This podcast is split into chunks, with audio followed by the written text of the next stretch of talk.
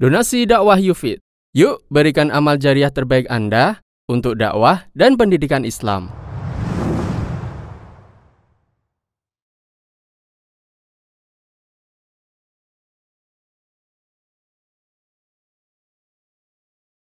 Para ulama berdalil dengan satu firman Allah Subhanahu wa taala dalam Al-Qur'an. Ini yang menyebabkan kenapa hati kita hati kita tidak pernah apa? Tenang. Dalam surat Jamaah rahmatillah Allah Subhanahu wa taala dalam surat Toha ayat yang ke-124. Penyebab ketidaktenangan hati seorang hamba Allah. Dan ini penyebab utamanya. Bukan karena stres pekerjaan betul jemaah? Bukan karena sibuknya aktivitas kita. Bukan karena macetnya perjalanan betul jemaah? Antum kalau di perjalanan stres tidak? Kalau macet stres tenang tidak Enggak, enggak tenang. Kenapa enggak tenang? Padahal macet itu bisa membuat antum berzikir kepada Allah Subhanahu wa taala. Betul? Bisa membaca Al-Qur'an, betul? Mah? Atau tidak? Allah Subhanahu wa taala berfirman, "Wa man a'rada an dzikri," kata Allah. Barang siapa yang berpaling dari mengingatku, fa inna lahu ma'isyatan dongka maka bagi dirinya kehidupan yang sempit. Dan Al-Imam Ibnu Kathir Al-Imam Ibnu Kathir mengatakan seperti ini. Ai kata beliau man khalafa amri wa ma anzaltuhu ala rasuli. Orang-orang yang menyelisihi perintahku. Itu yang dimaksud oleh Allah Subhanahu wa taala. Kemudian menyelisihi apa yang aku turunkan kepada rasulku fa'arada anhu wa tanasah. Kemudian dia berpaling dan melupakannya. Fa inna lahu ma'isyatan donkan fid dunya. Dia akan memiliki kehidupan yang sempit di dunia. Ai kata beliau la tuma'ninata tidak ada ketenangan di dalam hatinya. Walan syiraha fi sadrihi. Dan tidak ada kelapangan di dalam dadanya. Selalu merasa sempit. Selalu merasa su susah Kapan kita merasa bahagia jemaah? Kapan kita merasa bahagia? Mana yang lebih sering kita merasa bahagia atau kita merasa sempit hatinya? Jemaah, merasa sedih? Yang mau jawab dapat hadiah ini jemaah. Ya Allah, harus pakai hadiah. Eh. Coba jemaah. Ah, mana yang lebih sering? Sempit atau lapang? Jika lebih sering sempit, maka ingat berarti kita banyak berpaling dari mengingat Allah Subhanahu wa taala. Itu yang sering kita lupakan jemaah. Awal bulan susah. Akhir bulan susah juga. Kapan nggak susahnya jemaah? Kapan? Ini menunjukkan hati ini jauh dari mengingat Allah Subhanahu wa taala. Donasi dakwah Yufid Yuk berikan amal jariah terbaik Anda untuk dakwah dan pendidikan Islam.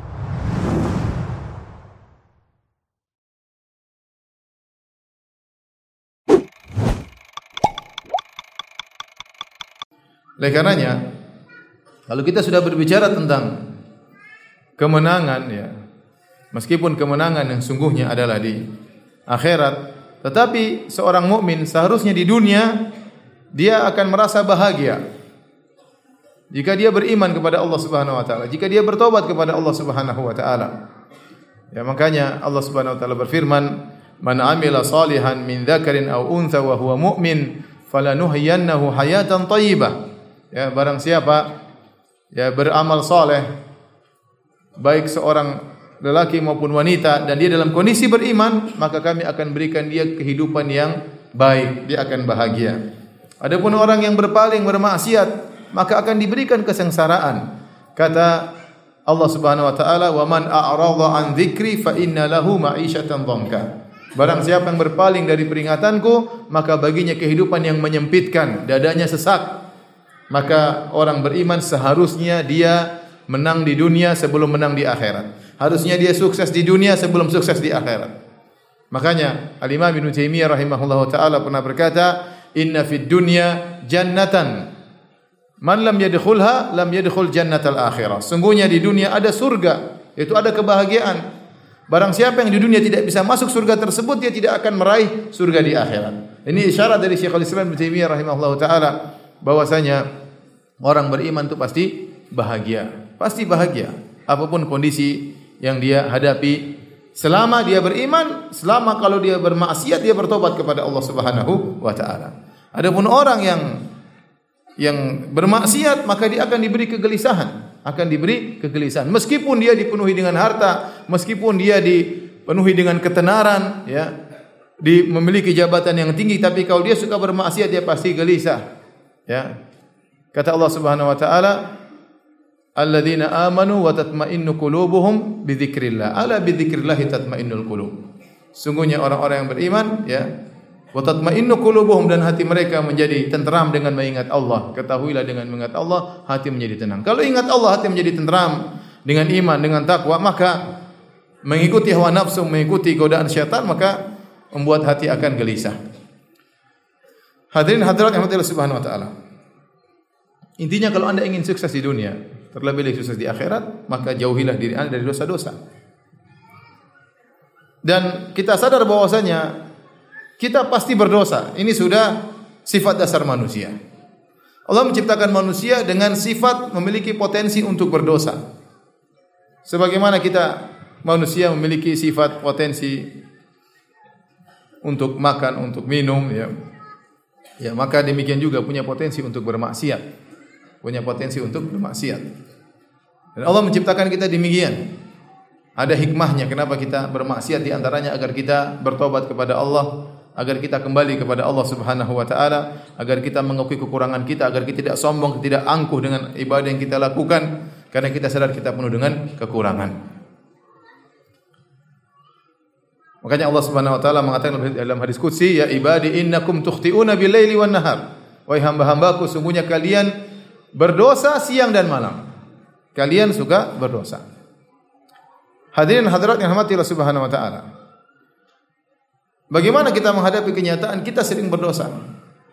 Solusinya sangat mudah, yaitu bertobat. Sering bertobat kepada Allah Subhanahu wa taala. Bagaimanapun seorang berusaha untuk menghindarkan dirinya dari dosa, dia tidak bakalan mampu. Kita berusaha, jangan jangan bermudah-mudah melakukan maksiat. Tapi bagaimanapun hebatnya Anda, Anda pasti akan terjerumus dalam dosa. Nabi SAW bersabda, "Istaqimu walan tuhsu." Istiqomalah kalian, kalian tidak bakalan mampu. Tidak bakalan mampu. Siapa pun dia. Para anbiya juga bersalah. Nabi Adam pernah bersalah, Nabi Nuh pernah bersalah, Nabi Ibrahim pernah bersalah, Nabi Musa pernah bersalah, Nabi Yunus pernah bersalah. Nabi Muhammad SAW juga pernah bersalah. Tapi mereka semua adalah hamba-hamba Allah yang selalu bertobat kepada Allah Subhanahu wa taala. Jadi harus ada dalam benak kita bahwasanya yang buat kita sengsara, yang buat kita tidak bahagia, yang buat kita gagal di dunia maupun di akhirat adalah karena dosa-dosa yang kita lakukan. Oleh karenanya kita dapati betapa banyak ibadah-ibadah yang agung ganjarannya adalah diampuni dosa-dosa. Ganjarannya adalah diampuni dosa-dosa. Karena dosa-dosa yang bikin masalah. Contoh, haji, ibadah yang sangat agung. Apa pahalanya? Kata Nabi sallallahu alaihi wasallam, Man hajja wa lam yarfuth wa lam yafsuk raja'a min dhunubihi ka waladatu ummuhu. Barang siapa yang berhaji tidak mengucapkan kata-kata kotor, tidak melakukan kemaksiatan, maka dia akan bersih dari dosa-dosanya seperti baru lahir dari perut ibunya. Jadi maghfirah ini sangat penting karena dia adalah kunci kesuksesan di dunia maupun di di akhirat. Kemudian juga contohnya tadi haji menghapuskan dosa-dosa. Contohnya puasa. Kata Nabi wasallam, "Man shoma Ramadhana imanan wa ihtisaban ghufira lahu ma taqaddama min dzambi." Barang siapa yang berpuasa dengan penuh keimanan dengan penuh pengharapan akan diampuni dosa-dosanya yang telah lalu. Demikian juga salat. Ya, kata Nabi wasallam, "As-salawatul khams wal jum'a ila al-jum'ah wa ramadan ila ramadan mukaffiratun ma bainahunna idza sunibal kaba'ir." Kata Nabi sallallahu alaihi wasallam salat yang satu dengan salat yang lainnya Jumat yang satu dengan Jumat yang lainnya, Ramadan satu dengan Ramadan yang lainnya akan menghapuskan dosa-dosa di antara keduanya selama dijauhi dosa-dosa besar. Jadi ya banyak ibadah-ibadah yang agung janji Allah adalah agar diampuni dosa-dosa. Kenapa? Karena dosa-dosa ini problem besar. Tidak mungkin kita melakukan dosa kecuali pasti ada dampaknya.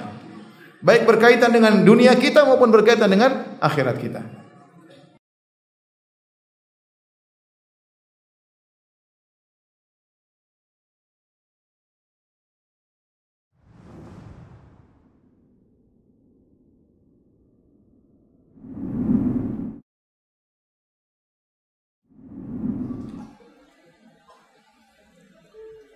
Ada jamaah di Jakarta dia kaya.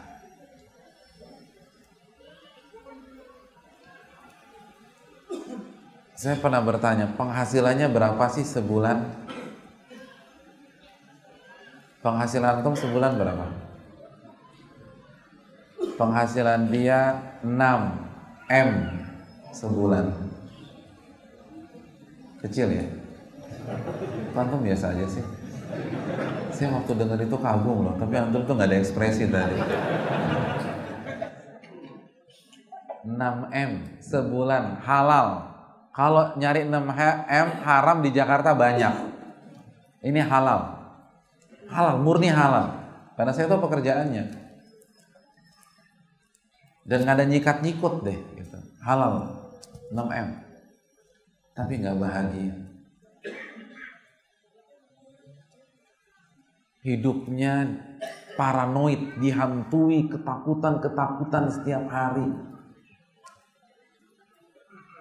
Tapi kalau kita lihat 10 jarinya itu berlian semua hadirin. Nggak bahagia. Antum medical check up setahun berapa kali? Nggak pernah kan? Saking tenangnya tuh. Dia setiap hari medical check up. Gimana nggak bingung? Setiap hari. Ambil darah nih. Besok dapat hasil. Panggil lagi tuh orang pro dia. Suruh cek lagi. Khawatir berubah. Jadi dalam hitungan jam itu mungkin ada virus masuk ke tubuh saya. Tolong cek lagi Besok dapat lagi, undang lagi, cek lagi. Begitu terus. Ya kalau nggak satu hari, dua hari lah. Pokoknya harus dicek. Bayangkan, 6M per bulan. 6R per bulan. Antum bisa ganti Lamborghini setiap bulan. Mau beli rumah di mana aja Jakarta gampang 6M per bulan.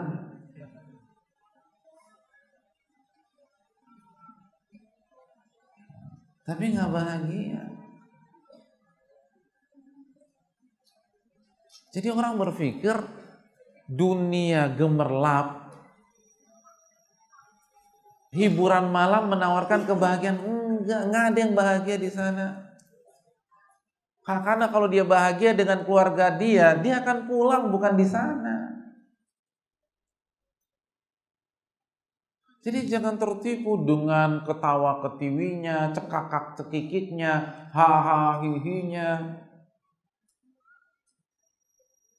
Mereka larut dengan house musiknya itu orang-orang ada bahagia-bahagianya. Kesian. Kesian. Waman a'rada an dzikri fa inna lahu ma'isyatan dhankan. Barang siapa yang berpaling dari agamaku, dia akan hidup dengan kehidupan yang sengsara. Kebahagiaan itu kembali kepada Allah. Kembali dengan mengingat Allah ala bidzikrillah tatmainnul qulub. Ketahuilah dengan berzikir kepada Allah, hati menjadi tenang.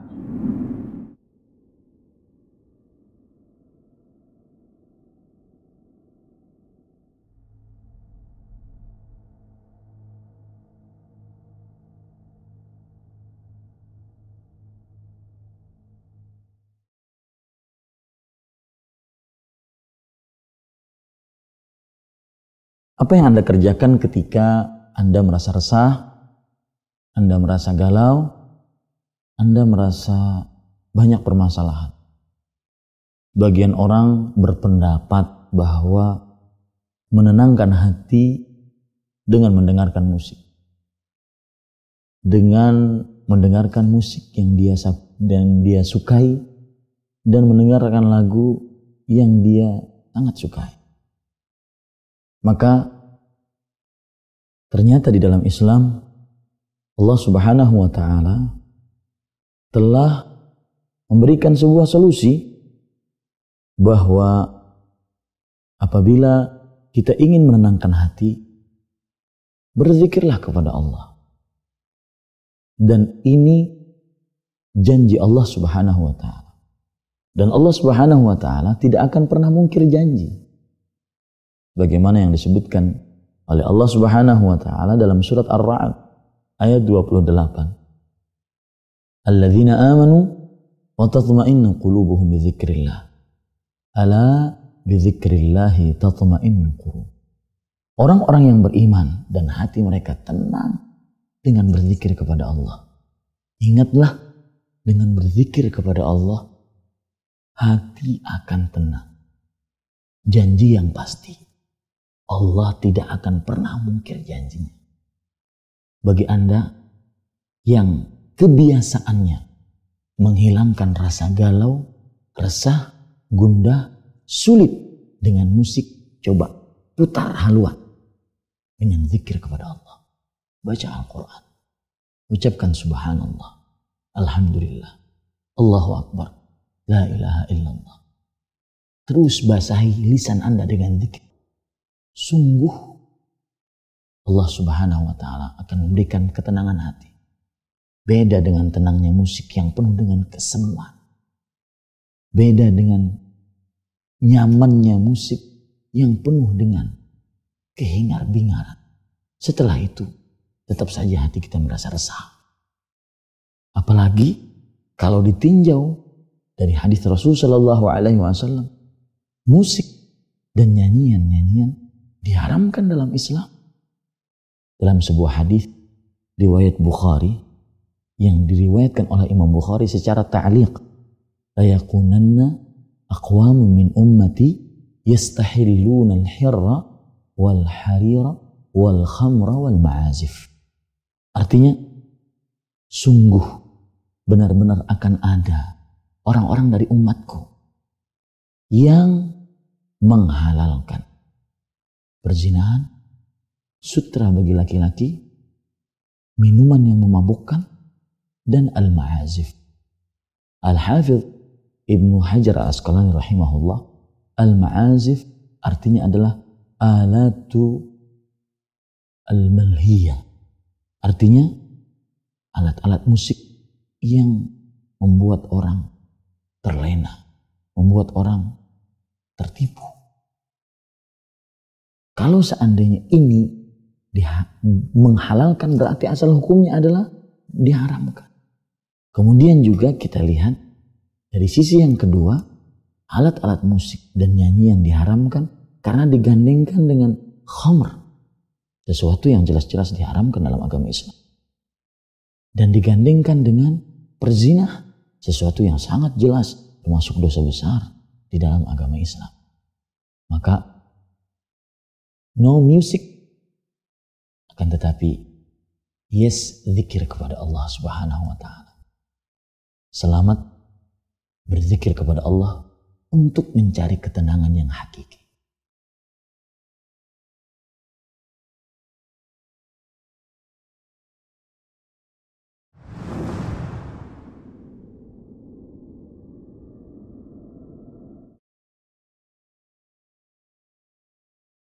Jangan berpikir hidup foya-foya itu bahagia.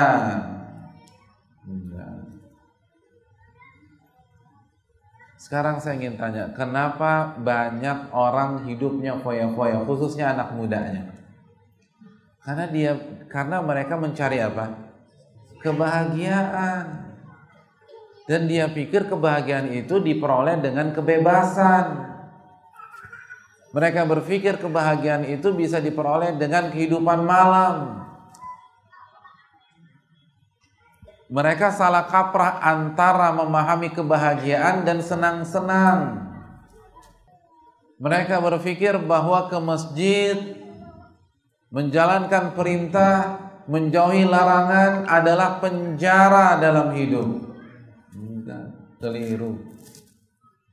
Mereka berpikir kalau kita berjuang di atas jalan Allah itu berarti kesengsaraan. Salah. Justru perjuangan adalah kenikmatan dan kehidupan yang foya-foya, santai-santai itu yang sengsara. Allah berfirman dalam surat An-Nahl ayat 97, "Man 'amila salihan min dzakarin aw untha wa huwa mu'min falanuhyiyannahu hayatan thayyibah." Barang siapa yang beramal saleh baik laki-laki maupun wanita dalam kondisi iman, dia beriman kepada Allah, maka Allah akan anugerahkan kehidupan yang bahagia. Allah akan anugerahkan kehidupan yang bahagia.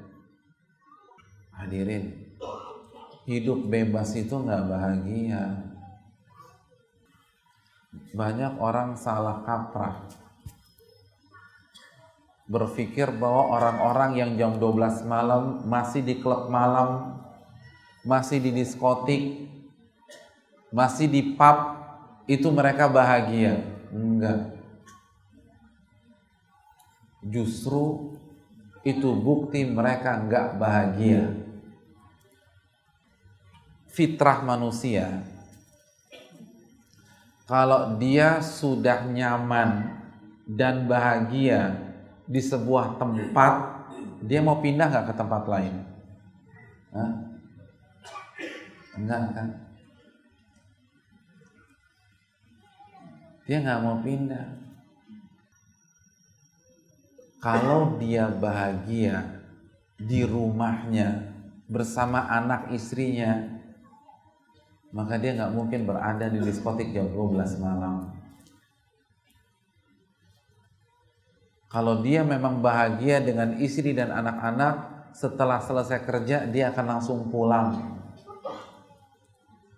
Ketika dia nggak langsung pulang dan dia memilih menghabiskan waktu dengan teman-temannya sampai jam 1, jam 2, jam 3, itu menunjukkan dia bahagia nggak dengan istri? Enggak. Antum lagi bahagia bahagianya dengan anak antum. Mau pisah nggak? Nggak mau. Begitu ada kesempatan pulang. Jadi itu menunjukkan nggak bahagia, jangan salah. Itu nggak ada yang bahagia tuh. Ustadz jangan suudon. Ini bukan suudon. Ini bukti dan ini firman Allah. Wa man a'rada an dzikri fa inna ma'isyatan dhanka. Surat Toha ayat 124 barang siapa yang berpaling dari agamaku, dia akan mengalami kehidupan yang penuh dengan derita. Orang bahagia itu habis selesai langsung pulang.